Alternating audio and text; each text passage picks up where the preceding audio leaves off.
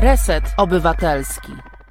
Dobry wieczór Państwu. Zapraszamy na kolejny wieczór poniedziałkowy z programem Pani Sędzi e, o nazwie Prawoteka. Ja nazywam się Jolanta Jerzewska, jest ze mną również Monika Ciemięga.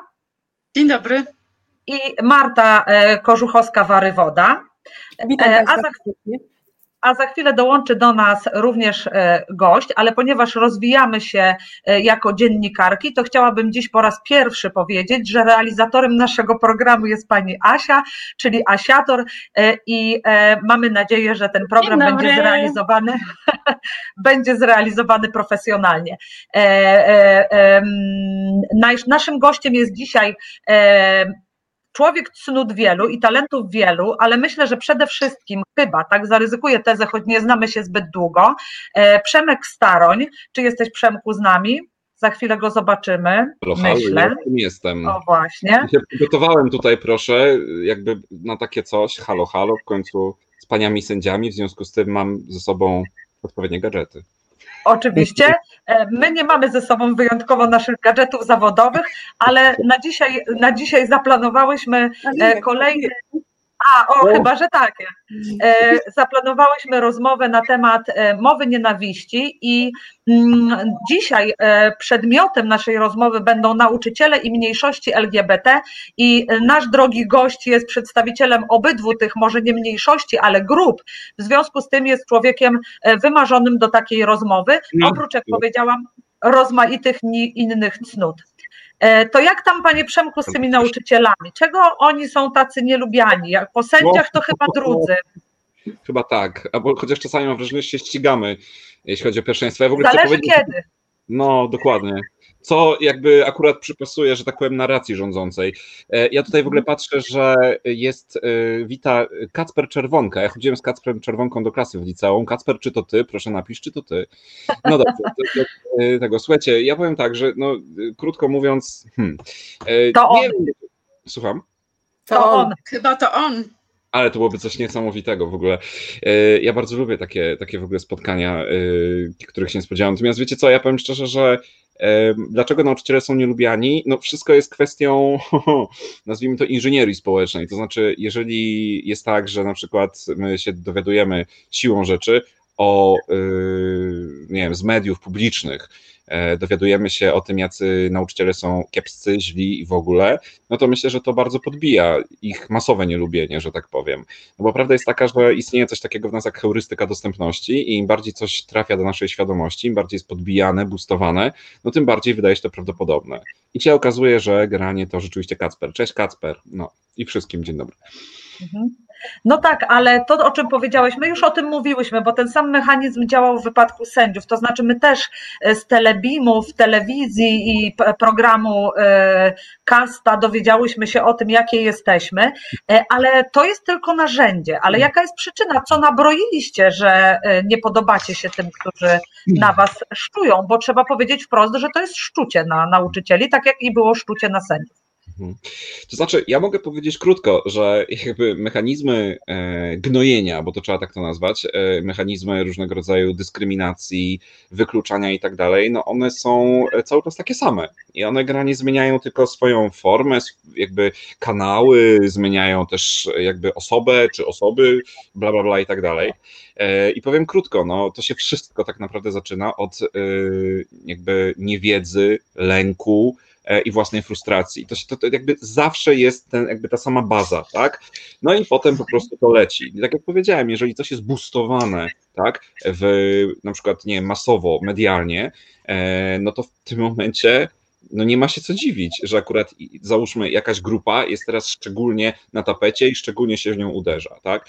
Ale Tutaj, powiedz, tak? E, czy to było tak, że to strajk nauczycieli, który w pewnym momencie mhm. E, dotknął właściwie większość społeczeństwa, to był ten moment, że nauczyciele spotkali się z hejtem takim bardzo powszechnym, czy to było już wcześniej? To znaczy, no właśnie to jest myślę bardzo dobre określenie dziewczyny, e, że, że to jakby to mm, rozróżnienie e, powiedzmy tego punktu, jakim był strajk i tego, co było wcześniej i też mhm. jakby intensywności, bo tak naprawdę nauczyciele jako grupa zawodowa przed strajkiem, no byli przedmiotem często jakiegoś takiego, nazwijmy to, społecznego marudzenia, tak? Ja bym tak to nazwał. Ale od marudzenia do hejtu jest jednak pewna droga. Natomiast w momencie, kiedy e, pojawiliśmy się e, na ekranach e, telewizji publicznej na przykład, zaangażowano boty, żeby no, pisały o kuzynkach ze No Starbucksa. właśnie, no to, to ubiegłeś moje kolejne pytanie. Skąd ten tweet o tej kuzynce, która chciała e, poje- poprawić tą ocenę z polskiego i, i nie było to możliwe? Ja powiem szczerze, najlepsze jest to, że ja w ogóle nie pamiętam, y, kto był zapłakany. Czy nauczycielki ze Starbucksa wychodziły zapłakane, czy kuzynka piła kawę z nimi. Znaczy, ja oczywiście żartuję, bo to były osobne, jakby, te, ale to po prostu jakby absurdalność już w ogóle tego hejtu, to było coś niesamowitego.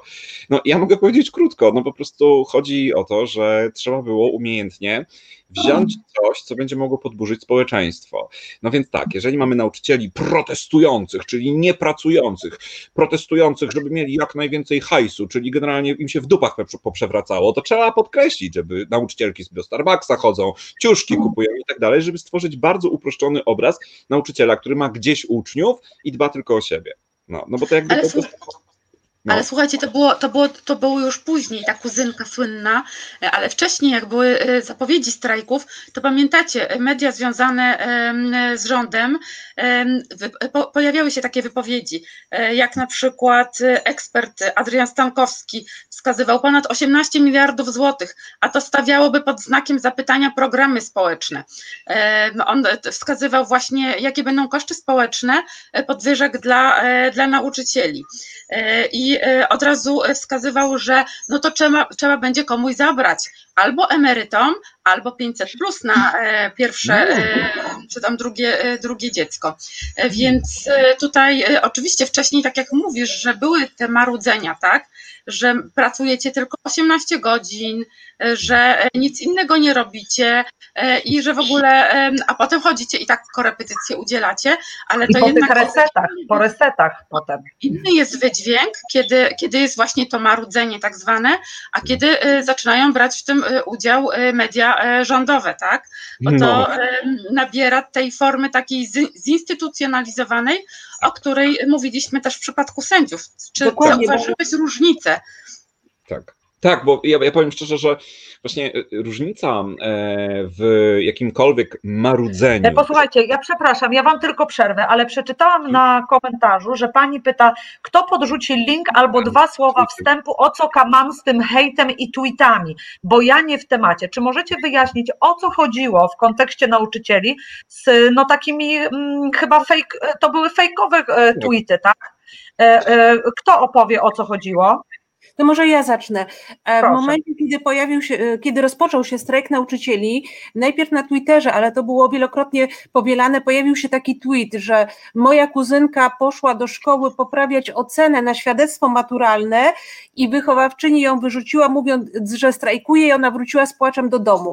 I ta wiadomość zaczęła się ukazywać na wielu kontach, także wszyscy się zastanawiali, czy wszyscy mają tą samą kuzynkę i, i jak to możliwe, że w tylu miejscach w Polsce zdarzył się taki przypadek, ale to z drugiej, a potem e, te tweety już były. bardziej, że to było w pierwszej osobie wszystko pisane, Tak. czyli jakby ta osoba przeżywała te, te historie, one były powielane tak jakby po prostu e, boty e, robiły e, robotę No tak. za kogoś, za kogoś kto, e, no, kto chciał wywołać odpowiedni e, wydźwięk e, społeczny. A my ce- celowo do tego nawiązujemy, ponieważ nas sędziów spotkała podobna historia. Też właśnie pojawiało się wiele informacji na Twitterze, inspirowanych przez pewną grupę, e, właśnie tylko po to, żeby nas oczerniać i to e, rozprzestrzeniać w przestrzeni publicznej. Tak. No bo dokładnie, no bo słuchajcie, no bo prawda jest taka, że sędziowie i nauczyciele mają ten wspólny mianownik, że często kojarzą się jednak z tak, takimi niezbyt przyjemnymi emocjami, tak? No nie czarujmy się, bo jednak sędzia siłą rzeczy wydaje wyrok, który może ludziom się nie podobać, zresztą cała w ogóle struktura sądownictwa też jest taka często dość sztywna, chłodna dla przeciętnego obywatela. E, Przeciętny obywatel jakby nie, nie jest uczony tego, o czym na przykład pisał chociażby Joseph Campbell w Potędze Mitu, że po prostu władza sędziowska jest realizacją pewnego, znaczy jest zrytualizowana i jakby ona ma bardzo ważne, wręcz mitologiczne znaczenie w ogóle, bo po prostu daje takie poczucie, że jest ktoś, kto nas kontroluje. Nauczyciele, co by o tym nie mówić, też niejednokrotnie po prostu no, powiedzmy, no każdy z nas spotkał nauczyciela, który jakoś, nie wiem, no zrobił coś niefajnego, tak? Bardzo łatwo jest na czymś takim budować. Tak samo jak było z uchodźcami, tak samo jak z osobami LGBT. W zasadzie serio można o każdym, o każdej grupie coś takiego stworzyć, bo to jest, co ważne, to jest stworzenie. To oczywiście, tak jak się mówi o stereotypach, stereotypy to nie jest coś, co jest nieprawdziwe to zawsze zawiera ziarno prawdy, tylko jest to uproszczone i wypaczone i zgeneralizowane. Bo gdyby stereotypy nie miały jakiejś chociaż bazy w postaci czegoś prawdziwego, choćby najdrobniejszego, no to wiadomo, że byłoby trudniej, nie? Ale to jest po prostu przeinaczone. To jest po prostu mhm. jakby maksymalnie w ogóle spatologizowane w komunikacji i tak dalej. No tak, Podoba mi się, jak machasz rękami. Tak. Podoba mi się. Podoba, mi się, jak ma... Podoba mi się, jak machasz rękami. Słuchajcie, no, ale prawda jest taka, że pewnie każdy z nas miał takiego nauczyciela, który spędzał mu sen z powiek. U mnie to była w liceum moja pani od historii, która była osobą nieprzeciętnie wymagającą. Prawdopodobnie dzięki niej skończyłam te studia, które skończyłam i na nie się dostałam, ale e, moje zmagania w liceum, no to jest pewna historia. No, e, ja, ja akurat powiedziałabym, że e, dzisiaj mam żal, że nie miałam samych e, nauczycieli bardzo wymagających, bo okazuje się z biegiem lat, że to właśnie po pierwsze ci wymagający nam zapadają w pamięć, a po wtóre bardzo dużo im zawdzięczamy i ty potwierdzasz to, co powiedziałam. Natomiast słuchajcie, jeszcze o jednej rzeczy chciałam powiedzieć w kontekście tego, że podbijane są pewne cechy, ale ja się i myślę, że już tutaj to mówiłam, bo ja się nad tym zastanawiałam. Każdy zawód da się w ten sposób hmm znienawidzić. No bo okaże się, że każdy spotkał szewca, który nawalił, albo nie zrobił mu butów w terminie, albo te buty ulubione zepsuł. Każdy spotkał piekarza, który sprzedał niesłony chleb. To jest tylko kwestia tego, na kogo zechcemy grać po prostu, czy przeciwko właściwie. Metodą jest właśnie ta, e, to, to uogólnianie, czyli mhm. przypisywanie jakiejś negatywnej cechy um, konkretnej osoby całym, całej grupie. I, e, no i na tym się właśnie buduje tę nienawiść. Ale mi się też wydaje, że jednak łatwym celem e, są te osoby, te, te zawody, które w jakiś sposób e, wymagają dużej ilości pracy. Zobaczcie, jak łatwo było uderzać w lekarzy, jak łatwo jest uderzać w nauczycieli. Mamy duże oczekiwania wobec pewnych reprezentantów, mamy mniejsze oczekiwania wobec szewca niż wobec nauczyciela naszego dziecka. Jednak myślę, że to no. też tutaj działa. Mamy większe oczekiwania wobec lekarza, który leczy nasze dziecko, niż wobec piekarza. No tak, ale czy myślisz, że to dlatego, że, że szef pracuje mniej niż my? Ja myślę, że to jest też oczywiście kwestia odpowiedzialności, czyli wpływu mhm. pracy tej osoby, którą masz znienawidzić, na ciebie, na twoich bliskich. No e, ostatecznie bez szefca jakoś tam sobie poradzisz, ale bez nauczyciela, bez sędziego i bez lekarza, no życia nie da się przeżyć. Choćby raz musisz się z nimi... Wiesz co, no może bez sędziego da się przeżyć. E, e, tak, ale, e, no, ale choćby wtedy, kiedy, nie wiem, wpisujesz do księgi wieczystej swój, e, swoją nieruchomość, no to musisz tego sędziego czy wymiar sprawiedliwości spotkać i już to wystarczy, żeby się wkurzyć, bo wpisanie, e, wpisanie e, czegoś do hipoteki bywa czynnością długotrwałą na przykład, prawda? Mhm. No więc, więc do tego zmierzam. Mhm. No chodzi o to oddziaływanie społeczne, tak? Mhm. E, wiadomo, że i, e, tutaj i nauczyciele, lekarze czy sędziowie mają to przełożenie na społeczeństwo. E, także to, to, to, myślę, że, że to o to chodzi, tak? Są też w jakimś stopniu e, zagrożeniem mhm. dla chociażby dla władzy, tak?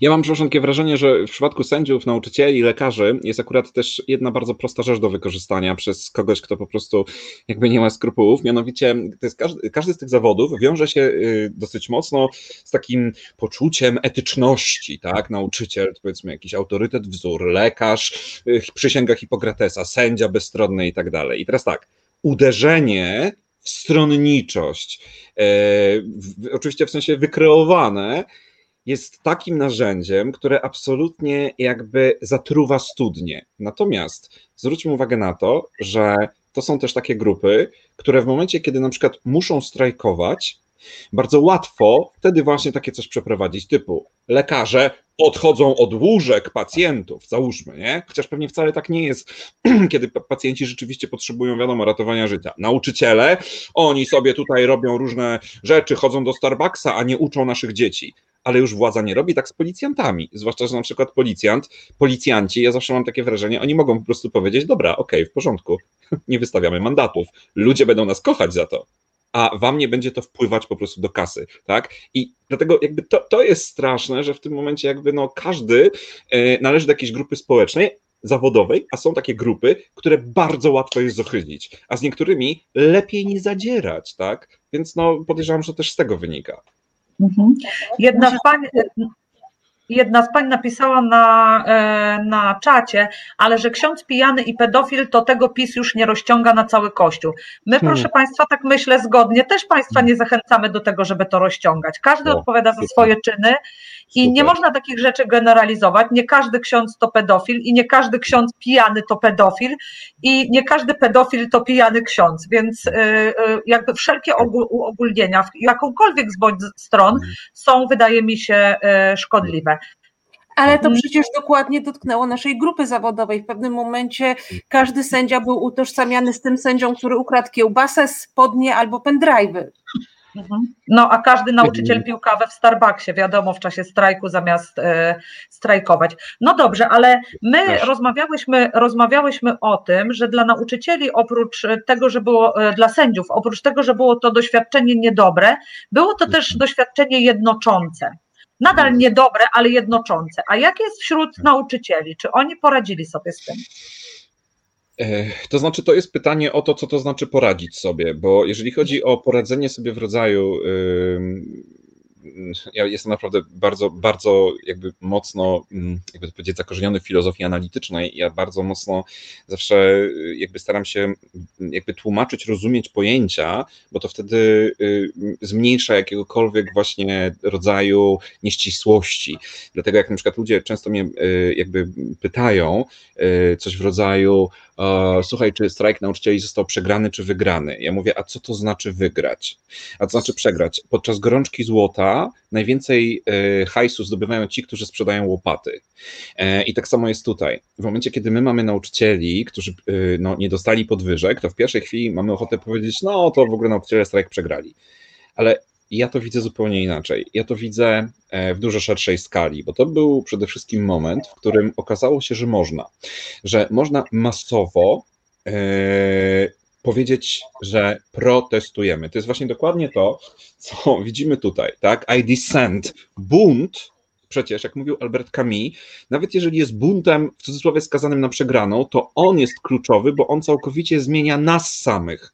A tak naprawdę to zmiana człowieka w człowieku jest tą kluczową zmianą, która potem pociąga zmianę w rzeczywistości. Wielu nauczycieli zdobyło poczucie podmiotowości, zdobyło poczucie sprawstwa, a to jest mega istotne, bo większość nauczycieli w tym kraju ma, ma takie poczucie zgnojenia, że nie może różnych rzeczy zrobić, bo generalnie się boi, bo boi się, co dyrektor powie, co powie ktoś tam, co powie i tak dalej, i tak dalej. A tu nagle było poczucie, my możemy. I myślę, że to było przede wszystkim doświadczenie, które było doświadczeniem totalnie uświadamiającym. E, Myślę, że wielu z nauczycieli wtedy zrozumiało w pełni, że ten system całościowo, bo to się przecież poruszało w ogóle przy okazji tego wszystkiego i o to zresztą był ten strajk. Tam ten hajs to, to był element tego tak naprawdę, bardzo powiązany z tym uzasadnieniem w ogóle choroby toczonej przez system, znaczy toczonej yy, w systemie. Chodzi po prostu o to, że generalnie wielu nauczycieli skumało, jaki to jest absurd. Mało tego i w końcu to jest najważniejsze. Edukacja stała się mainstreamem. Wcześniej, ja tego nie zapomnę, jak ja na przykład robiłem mnóstwo różnych rzeczy, wow, czy o tym pisały media? Nie, media napisały w momencie, kiedy zostałem nauczycielem roku, bo o matko zaprosił partnera na scenę, nie? Ja wtedy bardzo się temu tak jakby przyjrzałem pomyślałem sobie, kurczę, może rzeczywiście tutaj jakby działa ta słynna zasada, nieważne jak byleby mówili. Jeżeli mamy do czynienia z jakąś grupą społeczną, która nie może się w żaden sposób dopchać, że tak powiem, do mainstreamu, e, no to może to jest właśnie metoda. Nawet jeżeli przegramy strajk, to przynajmniej ta edukacja już no, będzie już, że tak powiem, na ustach bardzo, bardzo wielu ludzi, którzy na przykład chcą zdobyć władzę, że nie można już tego zamieść pod dywan. Więc mówiąc krótko, myślę, że na poziomie poradzenia sobie masowo, my poradziliśmy sobie w tym sensie, że nam to wiele rzeczy dało, natomiast skutki, skutki tego następują stopniowo. O tak bym to ujął. Mhm. Wiesz co, bardzo ładne było to porównanie do Camille. Myślę, że to też troszeczkę nas sędziów buduje, bo ten nasz e, w tej chwili bunt i sprzeciw wobec tej rzeczywistości e, też jest taką walką chyba przede wszystkim z samym ze sobą w tej chwili. i, i też mamy poczucie jakiejś olbrzymiej przegranej, jeśli chodzi o mainstream, ale myślę, że właśnie nas to buduje w tej chwili. Także to, to było... tak. No przepraszam, chcę powiedzieć, że ja na przykład ja, taka, taka jedna rzecz, że w ogóle serio, znaczy w sensie jakby autentycznie ja zdawałem maturę z WOS-u i w ogóle, więc jakby ja zawsze rozumiałem rolę trzeciej władzy i tak dalej, ale ja tak naprawdę dopiero, nie chcę powiedzieć dzięki PiSowi, ale przez PiS e, ja poznałem w ogóle e, rolę sędziego, bym powiedział, dużo bardziej w społeczeństwie tak jakby konkretnie. Ja w ogóle zacząłem się tym dużo bardziej interesować. Mi te protesty dały bardzo dużo, więc ja powiem szczerze, że e, zresztą poznałem wtedy też Justitię, więc no sorry, to, to jest plus zdecydowany, tak? Więc kurczę, no. W końcu poznaliśmy się na Polen Roku, prawda? Bo z nami byłeś e, na tym festiwalu i brałeś e, udział w naszych warsztatach. E, także chociaż nie, jeszcze wcześniej e, przecież było, e, jak, kiedy zostałeś nauczycielem roku i później jeszcze zostałeś, wygrałeś jakiś tytuł w gazecie wyborczej. Co to było?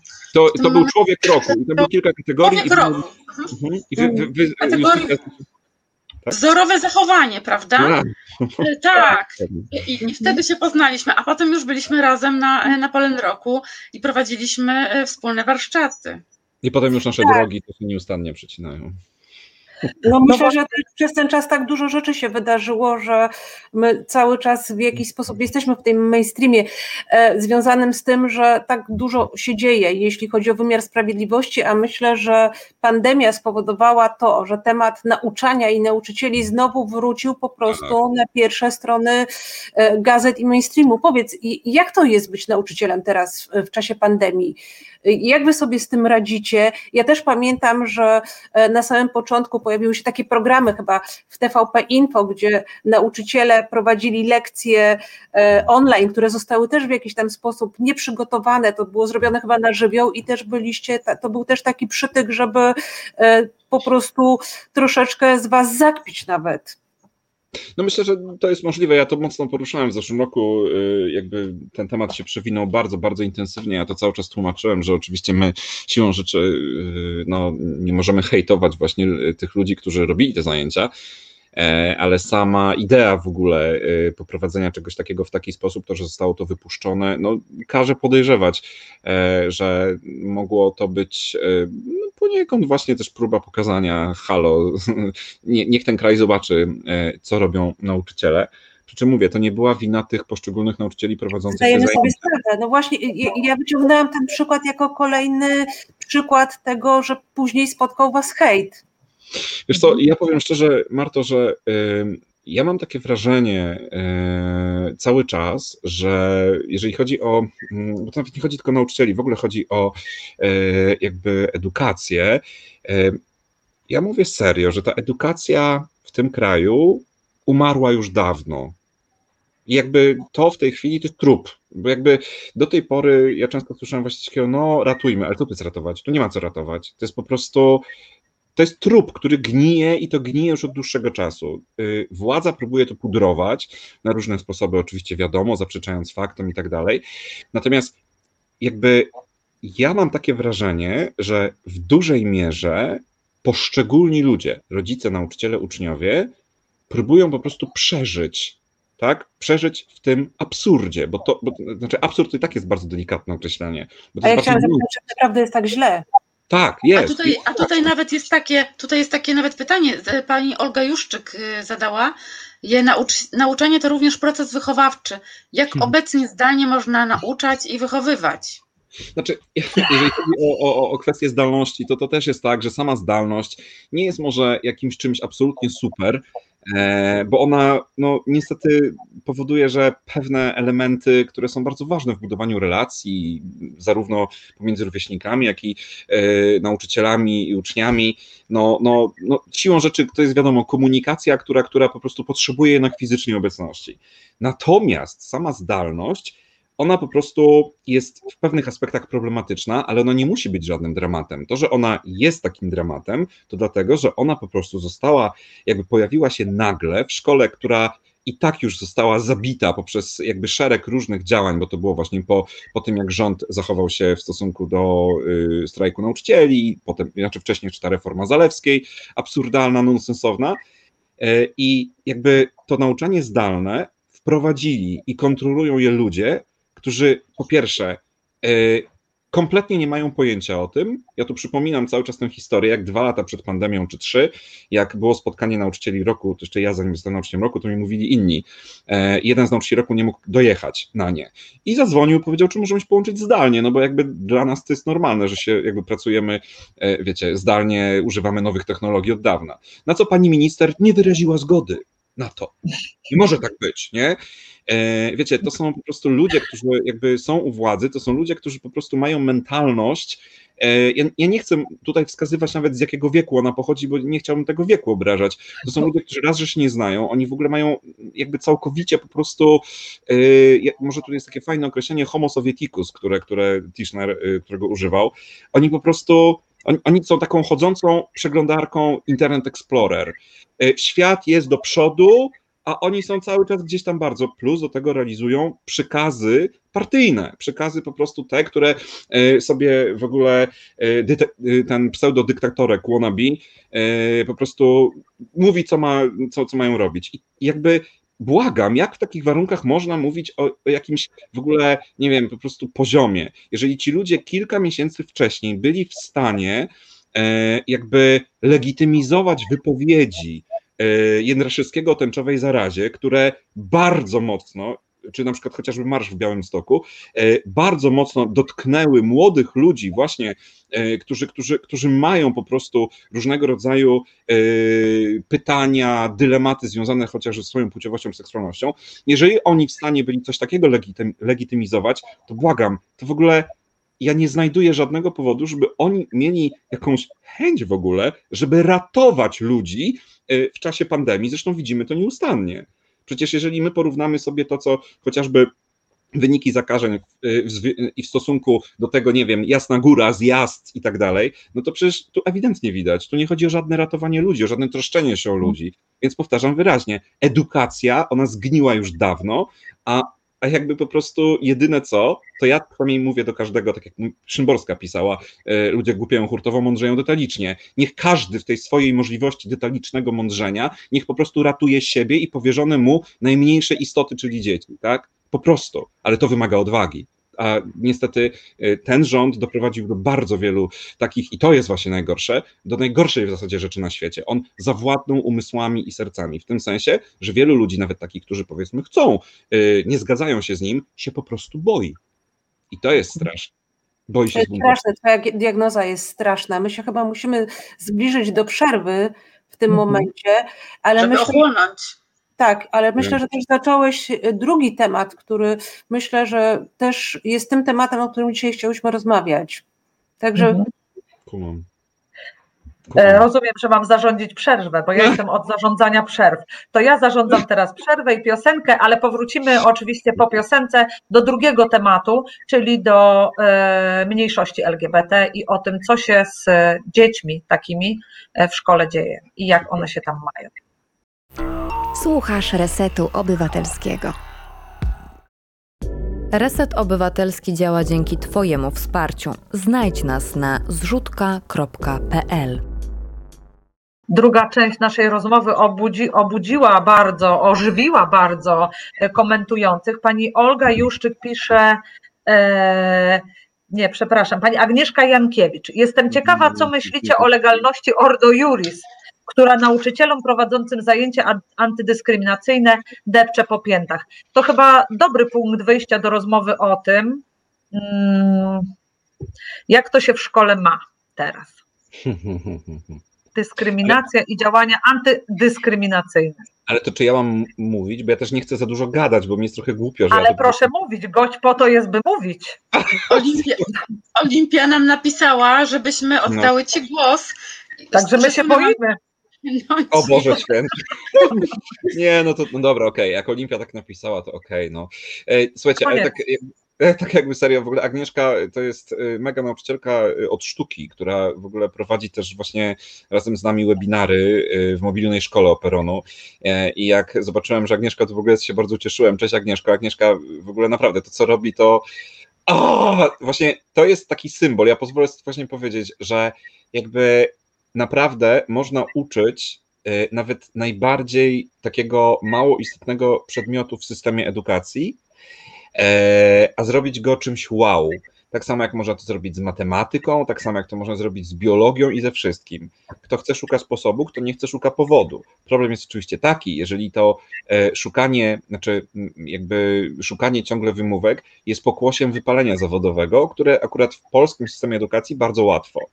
E, natomiast jeżeli chodzi o to pytanie bezpośrednio Agnieszki e, o Ordo Juris, znaczy ja powiem krótko, ja mam w sobie bardzo mocno mm, słowa Karla Popera, który y, podkreślił, że y, wszystko powinniśmy tolerować poza nietolerancją. Bo jeżeli my będziemy tolerować nietolerancję, to ona się tak rozpanoszy, że po prostu w pewnym momencie y, no, uniemożliwi w ogóle funkcjonowanie w społeczeństwie oparte o tolerancję.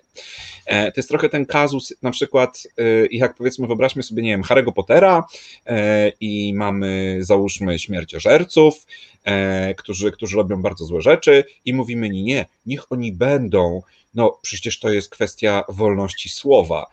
Mnie to, dla mnie to jest w ogóle fascynujące, e, kiedy myślę sobie o Wiktorze Franklu e, i tym, co on powiedział, że to jest błąd, że w Stanach Zjednoczonych na wschodnim wybrzeżu stoi statua wolności, a na zachodnim nie stoi statua odpowiedzialności, że my globalnie oderwaliśmy wolność od odpowiedzialności, gdzie one to są dwie wartości, które są złączone ze sobą jakby istotowo. Wolność bez odpowiedzialności po prostu staje się karykaturą wszystkiego. I więc kiedy ja słyszę, oho, wolność słowa, nie? Ja mówię, okej, okay, pod warunkiem, że to słowo niesie ze sobą odpowiedzialność. E, śmierciożercy w Harrym Potterze wykorzystywali to e, do czynienia zła. I tak samo mamy Ordo Juris, które tak naprawdę już abstrahując w ogóle od tego, że jak wiemy, nie można mówić e, absolutnie, broń Boże, nie myślcie sobie, że Ordo Juris to jest, wiecie, jakaś tam e, grupa opłacana przez Kreml, fundamentaliści i tak dalej, niech wam to nawet do głowy nie przyjdzie.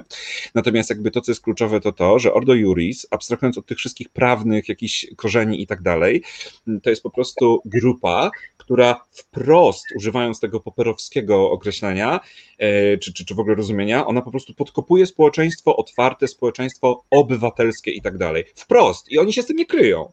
Więc jeżeli my widzimy ludzi, którzy po prostu mówią, że prawa jednostki, które przypominam, są osiągnięciem naszej cywilizacji, kiedy wyszliśmy z tego trybalnego, plemiennego e, w ogóle oddawania jednostki, czy składania jej na ołtarzu narodu, e, więc prawa jednostki są y, sukcesem cywilizacji. I kiedy oni wprost mówią, weźmy te prawa jednostki, wyrzućmy, nie?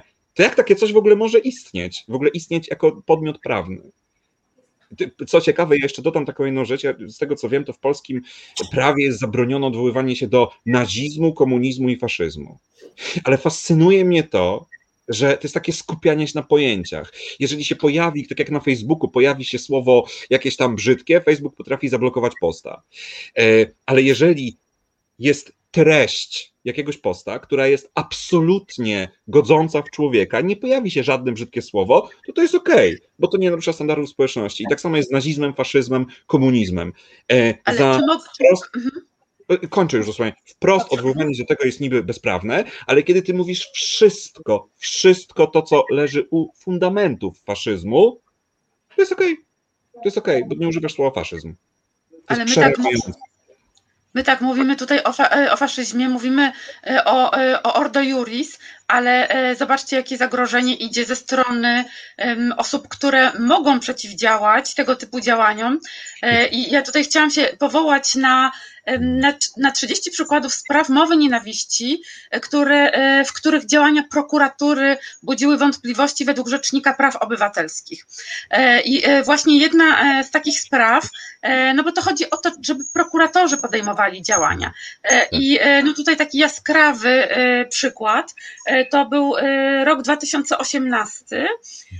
30 listopada 2018 roku prokuratura rejonowa w Tarnowskich Górach odmówiła wszczęcia dochodzenia w sprawie, w której jednym z wątków było publiczne propagowanie rozwiązań charakterystycznych dla faszystowskiego lub innego totalitarnego ustroju państwa, polegające na zamieszczeniu w internecie komentarza o treści za czasów Hitlera, Stalina i innych przywódców, to wszyscy ci tęczowi poszliby do pieca albo na rozstrzelanie. Homoseksualizm, jak i cały gender, jest chorobą psychiczną i nikt mi nie wmówi, że miłość między dwoma facetami lub dwiema kobietami jest normalna, to są urojenia i należy z nimi walczyć. E, I wpis ten zamieściła osoba posługująca się nikiem Polska dla Polaków, pod artykułem informującym o organizowanej w szkołach akcji Tęczowy e, Piątek. Mhm. Tylko, że e, problem jest taki, że prokurator nie dopatrzył się tutaj przestępczego działania po stronie dokonującego wpisu i nie, nie, nie zauważył tutaj propagowania ustroju totalitarnego, uznając, że samo stwierdzenie, że osoby homoseksualne poszłyby do pieca lub na rozstrzelanie za czasów rządów wspomnianych przywódców jak określa ich autor, nie może być uznane za propagowanie ustroju faszystowskiego lub e, totalitarnego. To e, jeżeli prokurator podejmuje takie decyzje, no to powiedzcie mi, co, e, jaki musiałby być ten wpis, żeby został uznany za propagowanie takiego ustroju. No właśnie. Ja, ja bym zapytała inaczej.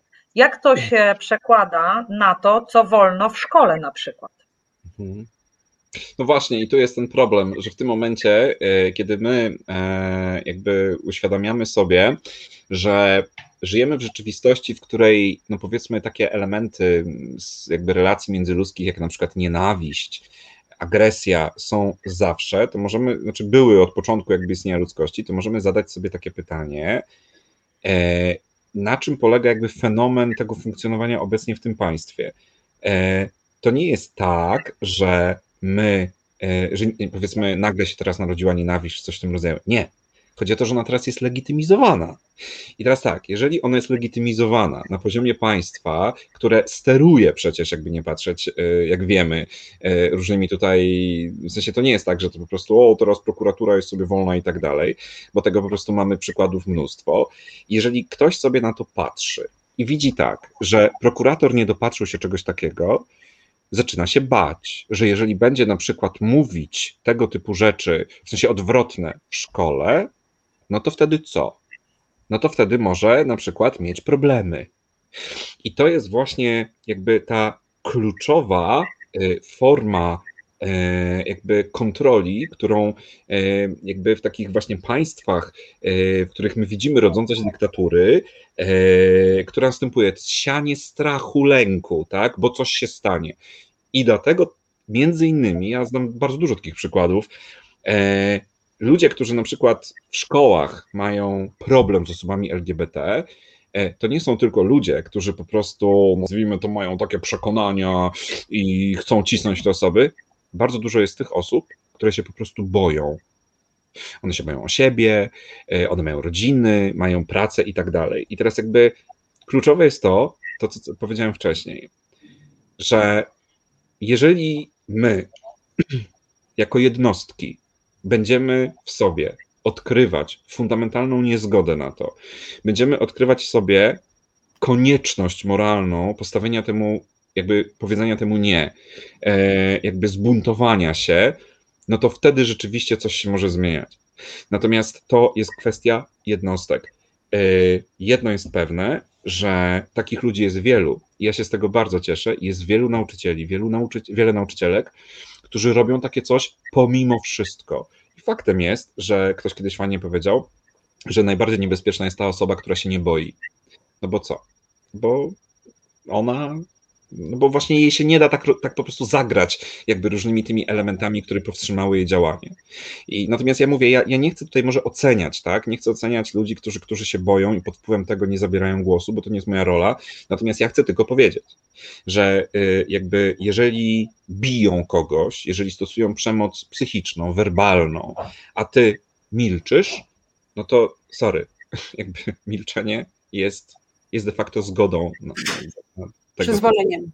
Tak. A powiedz mi ze swojej perspektywy nauczyciela, e, jak to jest? Czy ci młodzi ludzie, których możemy właśnie zaliczyć do tej grupy LB, LB, LBGT, czy mhm. oni są narażeni na taki hejt rówieśniczy? Czy to cały czas tak działa? Czy, czy coś się zmienia w świadomości młodych ludzi? Mhm. Jak to teraz wygląda? To znaczy, to jest tak, że y, to jest akurat pewien plus, że rzeczywiście mm, my żyjemy w takich czasach, w których e, gdyby powiedzmy zapomnieć o tym, nie wiem, o państwie, w którym żyjemy, to w kulturze e, wątek powiedzmy e, wyjścia poza heteronormę, on jest obecny bardzo mocno. E, on jest jakby wręcz powiedziałbym w takiej kulturze, która przychodzi na przykład do nas mocno e, gdzieś tam z zachodu, którą, którą młodzi ludzie znają doskonale. E, on jest, on jest czymś zupełnie normalnym, jakby okej, okay, w ogóle nie ma z tym żadnego problemu. Kiedyś by to nie było w ogóle absolutnie do pomyślenia, natomiast no, jest chociażby taki film animowany, nie wiem, się nazywa Ralph Demolka, czy jakoś tak, gdzie tam się nagle okazuje, że to jest w ogóle, jest jakiś bohater, który jest chłopakiem czyjegoś brata, nie? No kiedyś to w ogóle było nie do pomyślenia. I rzeczywiście jakby dla wielu młodych ludzi jakby to, to jest kompletnie jakby spoko, nie? Zupełnie spoko. Natomiast jednocześnie trzeba mieć tę świadomość, że to bardzo wiele zależy od, y, nazwijmy to, obszaru, tak? Ale to nawet nie chodzi o to, jak to się często mówi, że Polska A i Polska B, e, tylko po prostu chodzi o pewnych uwarunkowań jakichś takich systemowych, mentalnych, środowiskowych i tak dalej. To nawet może być taka sytuacja, że jest miasto, które, w którym ogólnie wydaje się, że jest bardzo liberalnie, natomiast no, powiedzmy jest szkoła, w której, e, której no, niestety jest e, jakieś takie zapędy równościowe są bardzo tłumione, tak? Więc jakby o tym trzeba myśleć, albo tak jak ktoś tutaj pisał, że na przykład są sytuacje, gdzie uczeń w szkole dostaje pełne poparcie, a w rodzinie niestety y, dostaje coś zupełnie innego, tak? I jakby jest taki schizogenny komunikat wtedy. E, natomiast to, tak jak mówię, to są przede wszystkim problemy dorosłych. Młodzi ludzie, zresztą to widać bardzo mocno w badaniach, różnych raportach, które pokazują e, właśnie jak bardzo młodzi ludzie są pro, jeżeli chodzi o właśnie takie postawy liberalne, równościowe i tak dalej. Oczywiście cały czas jest jakby do wykonania sporo pracy, ale powiem krótko, że gdyby tylko młodzi ludzie mieli na przykład, no nie wiem, załóżmy w referendum zdecydować, czy nie wiem, wprowadzić by e, pełną równość małżeńską i tak dalej, jest bardzo duże prawdopodobieństwo, że e, ono by w ogóle zostało wygrane bez problemu, bo rzeczywiście w raportach to widać, tak? Więc tyle mogę powiedzieć tak ogólnie, że tak powiem. Czyli nadzieja w młodym pokoleniu. No, oczywiście, że tak. A obecnie ogóle... powstaje też obecnie powstaje też ranking szkół, przyjaznych tak. dla LGBT, prawda Przemku? Może opowiesz tak. coś raporcie, bo wydaje mi się, że to jest naprawdę wspaniała inicjatywa. Tak, to w ogóle robi Dominik Kuc, który y, jest naprawdę człowiekiem y, niesamowicie godnym jakby naśladowania i to jest właśnie taki człowiek, który e, jakby pokazuje, że no właśnie pewne wartości jakby są, są e, no kluczowe i bezwzględne, że tak to nazwę. E, to jest chłopak naprawdę, który, który zresztą też jest mega nagrodzony, więc można bez problemu znaleźć o nim informacje w Google'ach. On, jeśli dobrze pamiętam, chyba w 2018 roku robił pierwszy, pierwszą jakby edycję tego i to jest jakby, można powiedzieć, Y, dla przeciwwagi, znaczy w ogóle to, to jakby to określenie, ten ranking, ono tak bardzo fajnie jakby występuje tutaj w kontekście czegoś, co jest absolutnym nowotworem polskiej edukacji, czyli rankingi szkół. E, bo, bo ja ostatnio zresztą wrzucałem cytat takiej świetnej dziennikarki, feministki. E, wyobraźmy sobie, jakbyśmy byli linkowani, a nie rangowani. E, to w ogóle jest coś, co po prostu dla polskiego systemu jest wciąż po prostu niewyobrażalne. I jakby jakby ten ranking szkół LGBT, on wykorzystuje po prostu bardzo fajnie, jakby grę tego, znaczy w sensie zabawę tym słowem ranking, bo to nie jest ranking e, w rozumieniu e, czegoś tak absurdalnego jak to, ile procent uczniów zdało maturę, gdzie przede wszystkim powiedzmy sobie szczerze, bardzo często w liceach jest taka praktyka, która oczywiście jest nie wprost, ale to jest jakby bardzo często spotykane, że ucznia, który jest ryzyko, że nie zda matury, po prostu się nie dopuszcza. Do tak, e, nie dopuszcza się do matury, żeby nie popsuł nam e, w ogóle średniej. To jest po prostu absurd nie do wyobrażenia. E, I jakby tutaj okazuje się, że ten ranking opiera się na czymś zupełnie innym. To jest jakby ranking wartości, ranking bezpieczeństwa, ranking tolerancji i szacunku, czyli które szkoły jakby one można powiedzieć, realnie realizują te zasady związane z poczuciem bezpieczeństwa z, y, z, takim podejściem prorównościowym i ten ranking, co jest ważne, on ma charakter badawczy, tak? Czyli to, to jest jakby, można powiedzieć też coś takiego, że to jest jakby współtworzone e, i to mi się właśnie też podoba, ten badawczy rys. I w tym momencie... A nie myślisz, przepraszam, nie myślisz, że jest ryzyko, że hmm. ten e, ranking będzie spaczony hmm. dokładnie tym samym błędem, którym jest spaczony inny ranking, czyli jeśli chcesz dobrze w rankingu e, wypaść, no to podkręcasz wskaźniki i wtedy wszystko jest w sreberku ładnie. A nie, uczniowie sreberku... mhm. Uczniowie e, biorą udział z danej szkoły, dlatego nie ma takiej, e, takiego niebezpieczeństwa. E, mhm. Te pytania też są skonkretyzowane, mhm. nie, nie, nie dotyczą Twojego samopoczucia, czy samopoczucia czy kogoś innego, tylko są jakby zobiektywizowane i możesz napisać tylko o swojej szkole, jako uczeń liceum. Mhm, mhm. Tu jest jakby, kto inny, jakby, że tak powiem, ma wpływ na, na tę treść, która się pojawi, mhm. Plus e, pamiętajmy o tym, jakby, że e, można powiedzieć, e, skutki wypływające z takiego rankingu nie są zbyt interesujące dla przeciętnej szkoły. No nie czarujmy się, tak? Bo jakby no, nie pojawi się to po prostu w rankingu perspektyw albo czegoś w tym rodzaju. Nie jest to mhm. takie fancy, nie, jakby niekoniecznie oznacza to, że przyjdzie więcej powiedzmy uczniów z jakąś wysoką punktacją, więc jakby oczywiście, że trzeba zawsze uważać na to, żeby wszystko może pójść w złą stronę, ale akurat no myślę, że tutaj, tak jak Monika Wiesz, mówi... hordy lewaków po prostu czają się w blokach startowych, żeby zasilić te szkoły swoimi dziećmi. No, tak, deprawacja. Tutaj zresztą y, pod waszym postem na Justity e, jakiemuś panu odpisywałem generalnie właśnie a propos deprawacji. E, jak on się bardzo przestraszył chyba, że, że tutaj będziemy deprawować nie wiem kogo. Natomiast ja powiem szczerze, że y, jednym z mm, takich bardzo kluczowych działań różnego rodzaju właśnie patologicznych systemów władzy jest próba zbudowania nowego języka. E, jest, zresztą znamy to na pewno, jeżeli czytaliśmy Orwella, tak? W Polsce takie coś się dokonuje nieustannie, zresztą polecam książkę wszystkim tutaj, e, która, która no myślę, że jest świetnym, tej e, Michała Rosinka e, i Kasi Kłosińskiej Dobra Zmiana, która pokazuje, jak różne słowa były wykorzystywane.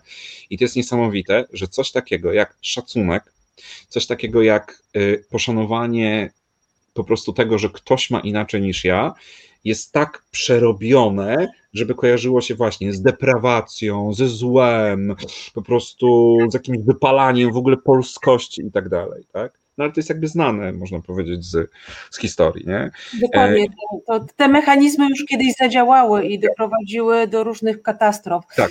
Przemku, a powiedz mi, jakbyś miał tak ocenić z własnej perspektywy, bardziej dotyka Cię hejt jako nauczyciela, czy hejt jako osoba LBGT? Wiesz co, powiem szczerze, że mi jest trudno to powiedzieć, bo y, naprawdę mówię serio, bo jakby ja jestem człowiekiem, którego hejt dotyka y, na mocy faktu. To znaczy, ja od wielu lat jestem, nazwijmy to, problematyczną osobą dla wielu, y, bo, bo no przede wszystkim jest coś takiego, co w Polsce, co po, polskie społeczeństwo zjada od środka, to jest po prostu poczucie zawiści. Tak? I jakby ja od momentu, kiedy zacząłem mieć jakieś y, obiektywne sukcesy już dawno temu, to powiedzmy e, były takie k, nie? E, I naprawdę ja znam hejt w każdej postaci. E, hejt związany z tym, że jestem osobą LGBT, szczerze, ja tego już specjalnie nie doświadczam. I co ciekawe, ten hejt, on był gdzieś tam na poziomie rynsztoka, więc jakby dla mnie to w ogóle było błagam. Coś takiego, co po prostu no, jest takie właśnie bardzo mm, botowe. Mnie tak naprawdę to, co spotkało, spotkało coś dużo poważniejszego, mianowicie E, my, dopóki mamy możliwość zobaczenia formy jakiejś przemocy, takiej wiecie, po prostu, że ktoś ma podbite oko, tak to nazwijmy, albo zobaczymy komentarz jakiś, to jest pół biedy, bo to jest takie właśnie, my to widzimy i tak dalej. Przemoc i hejt jednocześnie, no bo to wiadomo, że pojęcia nie będziemy się teraz bawić w rozróżnianie, ale no jakby to jest jakby wręcz można powiedzieć niemalże synonim. E, najgorsza jest wtedy, kiedy dzieje się w białych rękawiczkach. To jest tak zwana bierna agresja na przykład e, i ja tego gdzieś tam e, doświadczałem e, właśnie, czyli niby jest ok, niby. Największy hejt swojego życia doznałem go w momencie, kiedy zostałem doradcą Szymona Hołowni rok temu w kampanii prezydenckiej. Ja takiego hejtu tak wielopoziomowego nie doznałem nigdy. I co ciekawe, doznałem to od osób, które mają na sztandarach bardzo często walkę z hejtem. I to mi tylko y, jakby przypomina słowa, y, przypominało cały czas słowa niczego, że y, walcząc z potworami, uważaj, żebyś nie stał się jednym z nich. Bo im dłużej wpatrujesz się w otchłań, tym ona się zaczyna bardziej wpatrywać w ciebie. I jakby to jest to, co ja zawsze powtarzam, że my musimy naprawdę bardzo uważać na to, żebyśmy i zawsze, to jest najważniejsze, dbać o jakby tę swoją etyczność. Ja jestem w tej chwili człowiekiem, który jakby ja w ogóle mam bardzo dużo już jakby metod radzenia sobie z tym i to jest w ogóle spoko.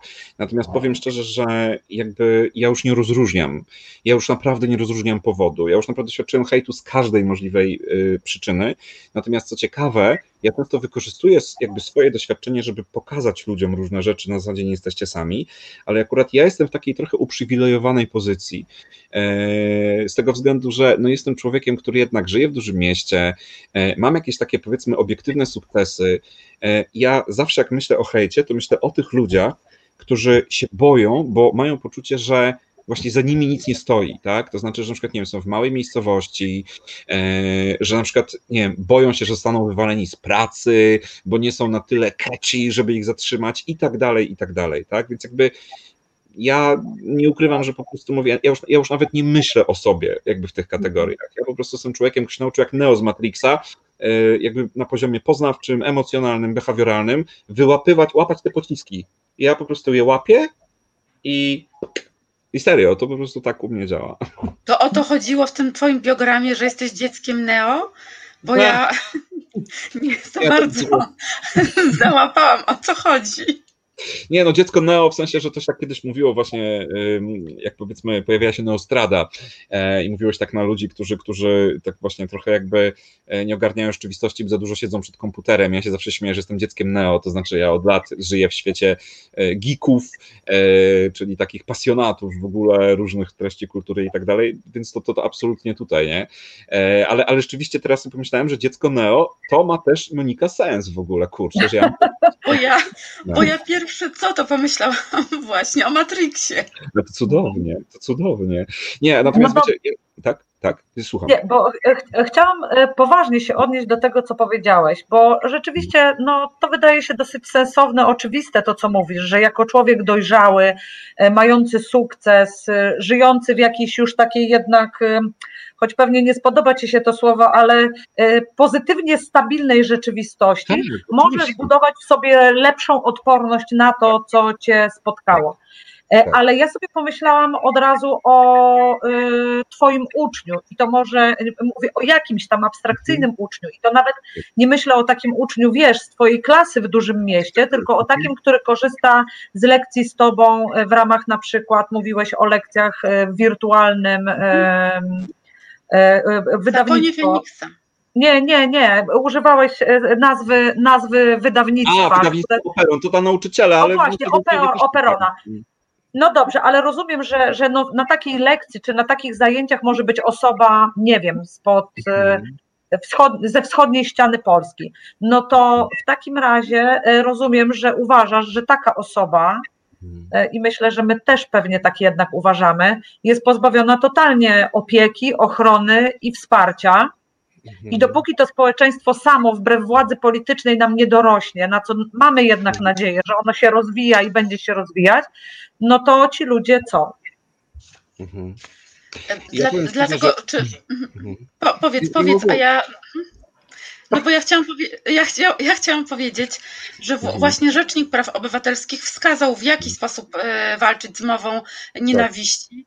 E, zawarł to w, w 20 rekomendacjach e, dla premiera. E, to było w 2019 roku. Ja sobie wynotowałam kilka takich, które wydają się szczególnie Obawiam istotne. się, że premier tego nie wynotował, Monika. Tak no. ale, więcej ale jak im, im więcej będziemy powtarzać, im dłużej będziemy i częściej powtarzać, tym większa tak. szansa, że to do niego dotrze. E, czyli tak, ściganie z urzędu przestępstw motywowanych uprzedzeniami ze względu na czyjąś niepełnosprawność, wiek, orientację seksualną i tożsamość płciową. Karalność samego członkostwa w organizacjach odwołujących się do totalitaryzmów, a zakazanych na mocy konstytucji. Wprowadzenie ustawowej definicji mowy nienawiści i skuteczniejsze oczyszczenie internetu z, takiej, z takich treści oraz szerokie kampanie społeczne, edukacyjne i szkoleniowe dla różnych środowisk o szkodliwości mowy nienawiści. No, super. To powodzenia, powodzenia. Panie premierze, powodzenia, trzymamy kciuki, naprawdę. Znaczy to jest... Słuchajcie, a ja mam jeszcze jedno pytanie. Najpierw e, może tak, powiedz mi, a jak to wygląda wśród nauczycieli? Ile jest takich nauczycieli jak ty z otwart... Czy jesteś w stanie to w ogóle ocenić? Bo ja chciałabym się odwołać do takiego raportu przygotowanego przez kampanię przeciw homofobii i oni tam wskazują, że na przykład e, tak, takie problemy, że uczeń styka się z homofobicznymi żartami, że jest dysk dyskryminowany, e, wskazują, że w tej chwili częściej to się zdarza ze strony nauczyciela czy pedagoga niż nawet ze strony rówieśników. Czy, czy to jest wniosek tak. wyrwany z kontekstu, czy tak się dzieje naprawdę? Nie, nie, to się tak dzieje, to się tak dzieje i ja już jakby tłumaczę dlaczego. Bo to są w ogóle trzy rzeczy, które gdzieś tam się pojawiły, y, spróbuję sobie przytrzymać w pamięci, ale to ja może zacznę od tej najświeższej, Marto. E, mhm. Skąd się to bierze? E, jakby to jest tak, że e, młodzi ludzie, tak jak powiedziałem, oni są przepojeni, wysyceni bardzo mocno kulturą e, świata zachodniego, tak? E, I to jest tak, że dla nich wiele rzeczy jest czymś takim zupełnie normalnym. Tak jak też kiedyś na przykład e, są takie memy, fajne zdjęcia, gdzie powiedzmy dziecko o białym kolorze skóry przy, przytula dziecko o czarnym kolorze skóry, no i się mówi, że dzieci nie rodzą się rasistami, tak? I można powiedzieć, że im wcześniej jakby dla dziecka pewne rzeczy są normalne, no tym jakby spoko. Natomiast problem jest z dorosłymi, bo dorośli e, nie przeszli e, tej ścieżki edukacji, w której byłoby uczone. Etyka, byłaby uczona. Etyka, religioznawstwo, filozofia, współczesne różne takie rzeczy, do których doszła psychologia. I teraz dorośli też z kolei ominęło ich to zanurzenie w tej kulturze. I oni często po pierwsze nie mają zielonego pojęcia o tym, E, co oni mówią czy robią. E, ja nie do końca lubię to określenie dziaders, bo to, to ja jednak też dostrzegam w nim dosyć mocny, taki stereotypizujący potencjał. E, bardziej już podoba mi się słowo boomer. O, właśnie miałem... No, moja boomer. uczennica kiedyś powiedziała, że ten nasz rząd to jest taka wielka rada boomerów. E, to są ludzie, którzy po prostu jakby ich ominęły, jakby, jakby te, te wszystkie takie elementy, które wiążą się z takim zanurzeniem w świecie. I teraz to jest coś takiego, że na przykład jest nauczyciel, który słyszy, że powiedzmy uczennica Ada jest powiedziane, żeby na, mówić na nią Adam, tak? Na tej zasadzie. On takie coś słyszy. On nie musi mieć żadnej złej woli. On po prostu jakby, bo nie nauczył się na żadnych kursach jakiś ani na niczym, e, czegoś takiego, że słuchaj, no to jest jakby absolutnie nie coś, na, na, jakby w zakresie czego powinien się wypowiadać, tak? I on sobie rzuci jakiś tekstik, tak? Albo na przykład y, różni ludzie, których znam, nauczyciele, y, potrafią rzucić takie hasełka w stylu ahahaha, y, coś tam, no ja szanuję, to się wgajem, ale ja nie rozumiem tego, jak można jak można y, żyć z myślą, że nigdy się nie zazna ciała kobiety w łóżku, nie? Takie ahahaha. I teraz tak, teraz ja tu mam tutaj w komentarzu zobaczyłem, jak pani Joanna y, coś pisze o Szymonie Hołowni i używa określenia niewiarygodny człowiek i sługu z kościoła. To jest dokładnie ten to, jest ten, ten case.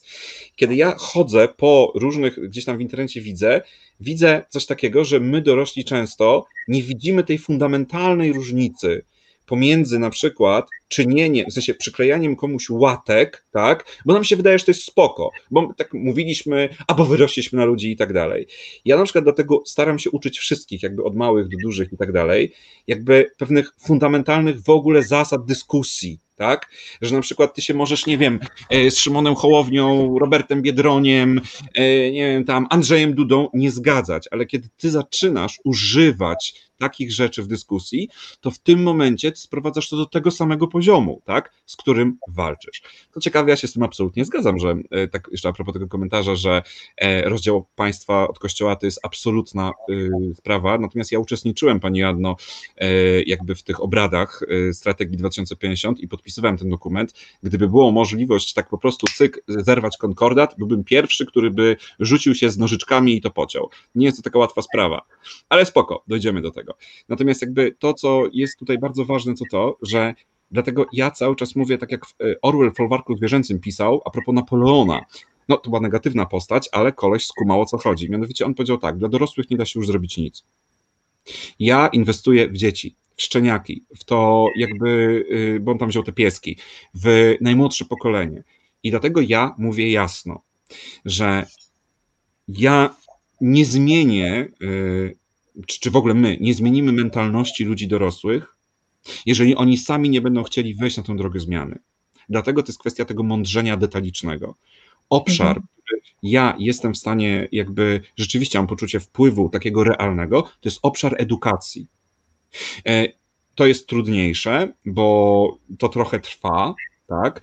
E, ale to jest największy bezpiecznik i gwarant tego, żeby, używając tutaj, parafrazując e, no, z Księgi Rodzaju, żeby wody potopu te, tak, tego typu władzy nie zalały więcej tego kraju.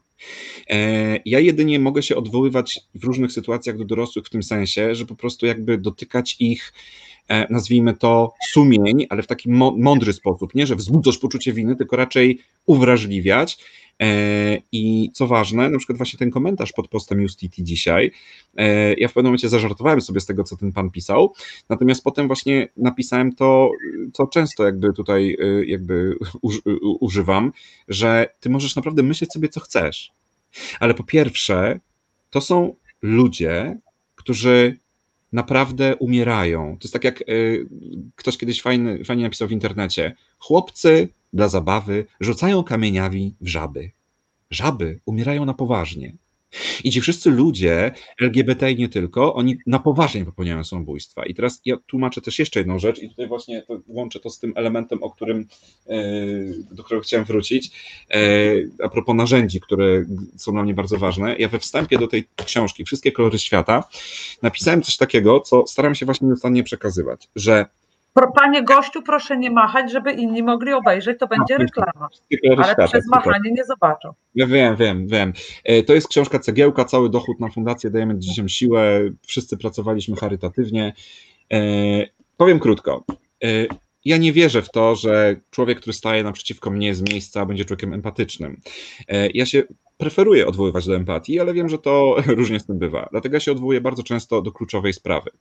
Jeżeli nie chcesz myśleć o ludziach, którzy cierpią w wyniku na przykład hejtu, osoby LGBT młode szczególnie, to uświadom sobie, że jakby gnojenie e, przez grupę to wcale nie musi być gnojenie osoby LGBT. Wystarczy, że grupa wymówi sobie samej, że ta osoba jest osobą LGBT. I człowiek, który jest młody, totalnie hetero, zaczyna doświadczać hejtu. E, bo nie wiem, no, ja pamiętam, jak kiedyś mój kolega ze szkoły e, został. Bo ma różowe spodnie. Bo ma różowe e, spodnie. Tak, on miał różowe, czerwone akurat, ale dokładnie tak. Córka koleżanki, która szła z torbą kolorową i ktoś zaczął tam po prostu tutaj tego jakby stereotypizacja, uprzedzenia, one działają w ten sposób, że one prowadzą do tak zwanej generalizacji bodźca. Czyli na początku drażni cię tęcza, potem ty się nie zastanawiasz nad tym, tylko widzisz kilka kolorów i od razu widzisz po prostu zło, widzisz po prostu LGBT. A co to oznacza? Oznacza to, że yy, drogi hejterze, twój wnuczek może być takim stuprocentowo heteroseksualnym chłopcem i komuś się uroi, że nie jest gejem i zacznie być gnojony. I on, jako absolutnie w ogóle niewyznający tak zwanej ideologii LGBT, jak to nazwiesz, drogi hejterze, on na przykład targnie się swoje życie. Hmm? O to tutaj chodzi, że jeżeli nie jesteś w stanie zdobyć się na empatię wobec innego istnienia, i to nie chodzi tylko o człowieka, to chodzi w ogóle o inne istnienie, tak? To skumaj to po prostu, że rewolucja zjada własne dzieci, hejt zjada własne dzieci i twoje wnuki. I nigdy nie wiesz, przypadkiem, czy nawet nie tyle, czy ty będziesz należał do jakiejś mniejszości, czy ktoś ciebie nie zaliczy do jakiejś Do mniejszości. jakiejś mniejszości. Prawda?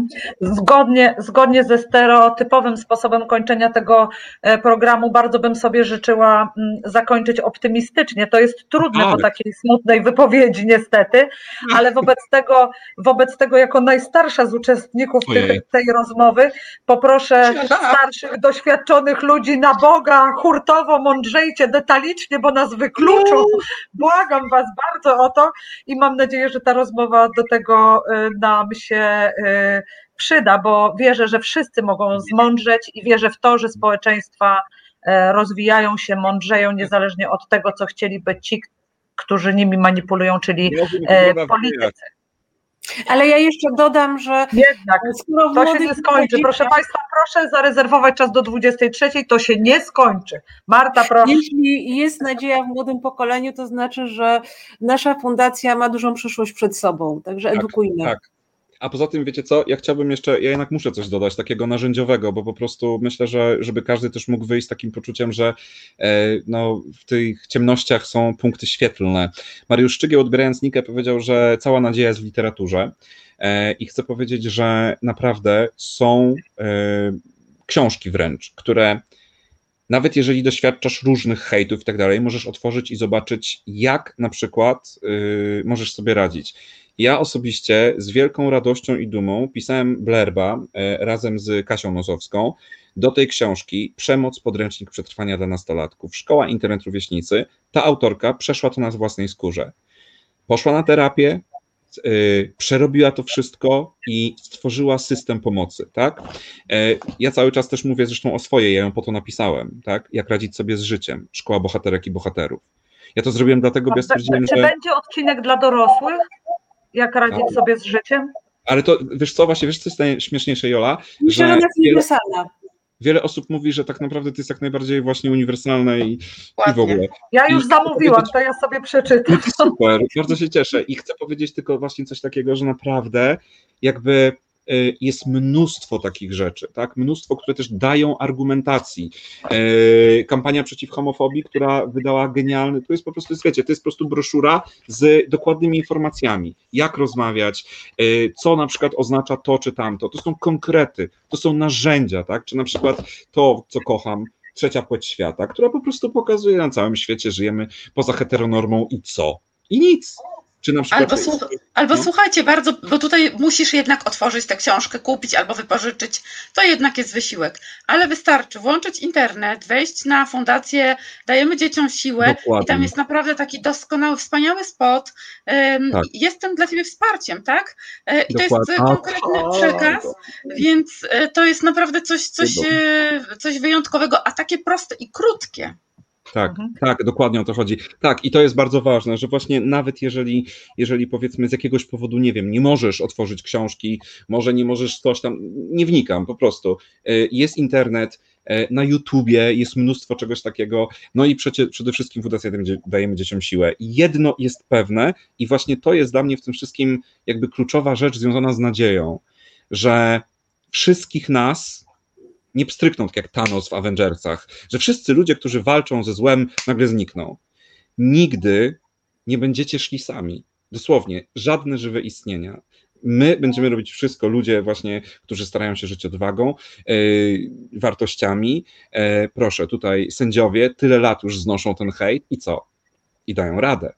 I Więc po żyją. prostu kupie siła, dokładnie tak. Nie? Udało- siła. Udało nam się zatem jednak uratować e, radosny wydźwięk e, e, audycji. Możemy z radością od rana starać się walczyć z hejtem i wszelką niesprawiedliwością i chyba wszystkim nam jest wspólne to wezwanie. Nie martwmy się, że jesteśmy garstką, tylko cieszmy się, że aż garstka nas jest, nas jest To Być może super. będzie nas z każdym dniem coraz więcej. Dziękujemy e, bardzo za tę rozmowę Państwu i naszemu gościowi Przemkowi Staraniowi. E, Sądząc po tym, dziękuję co, co, widzę na za komentarzach, to nie może być nasze ostatnie spotkanie.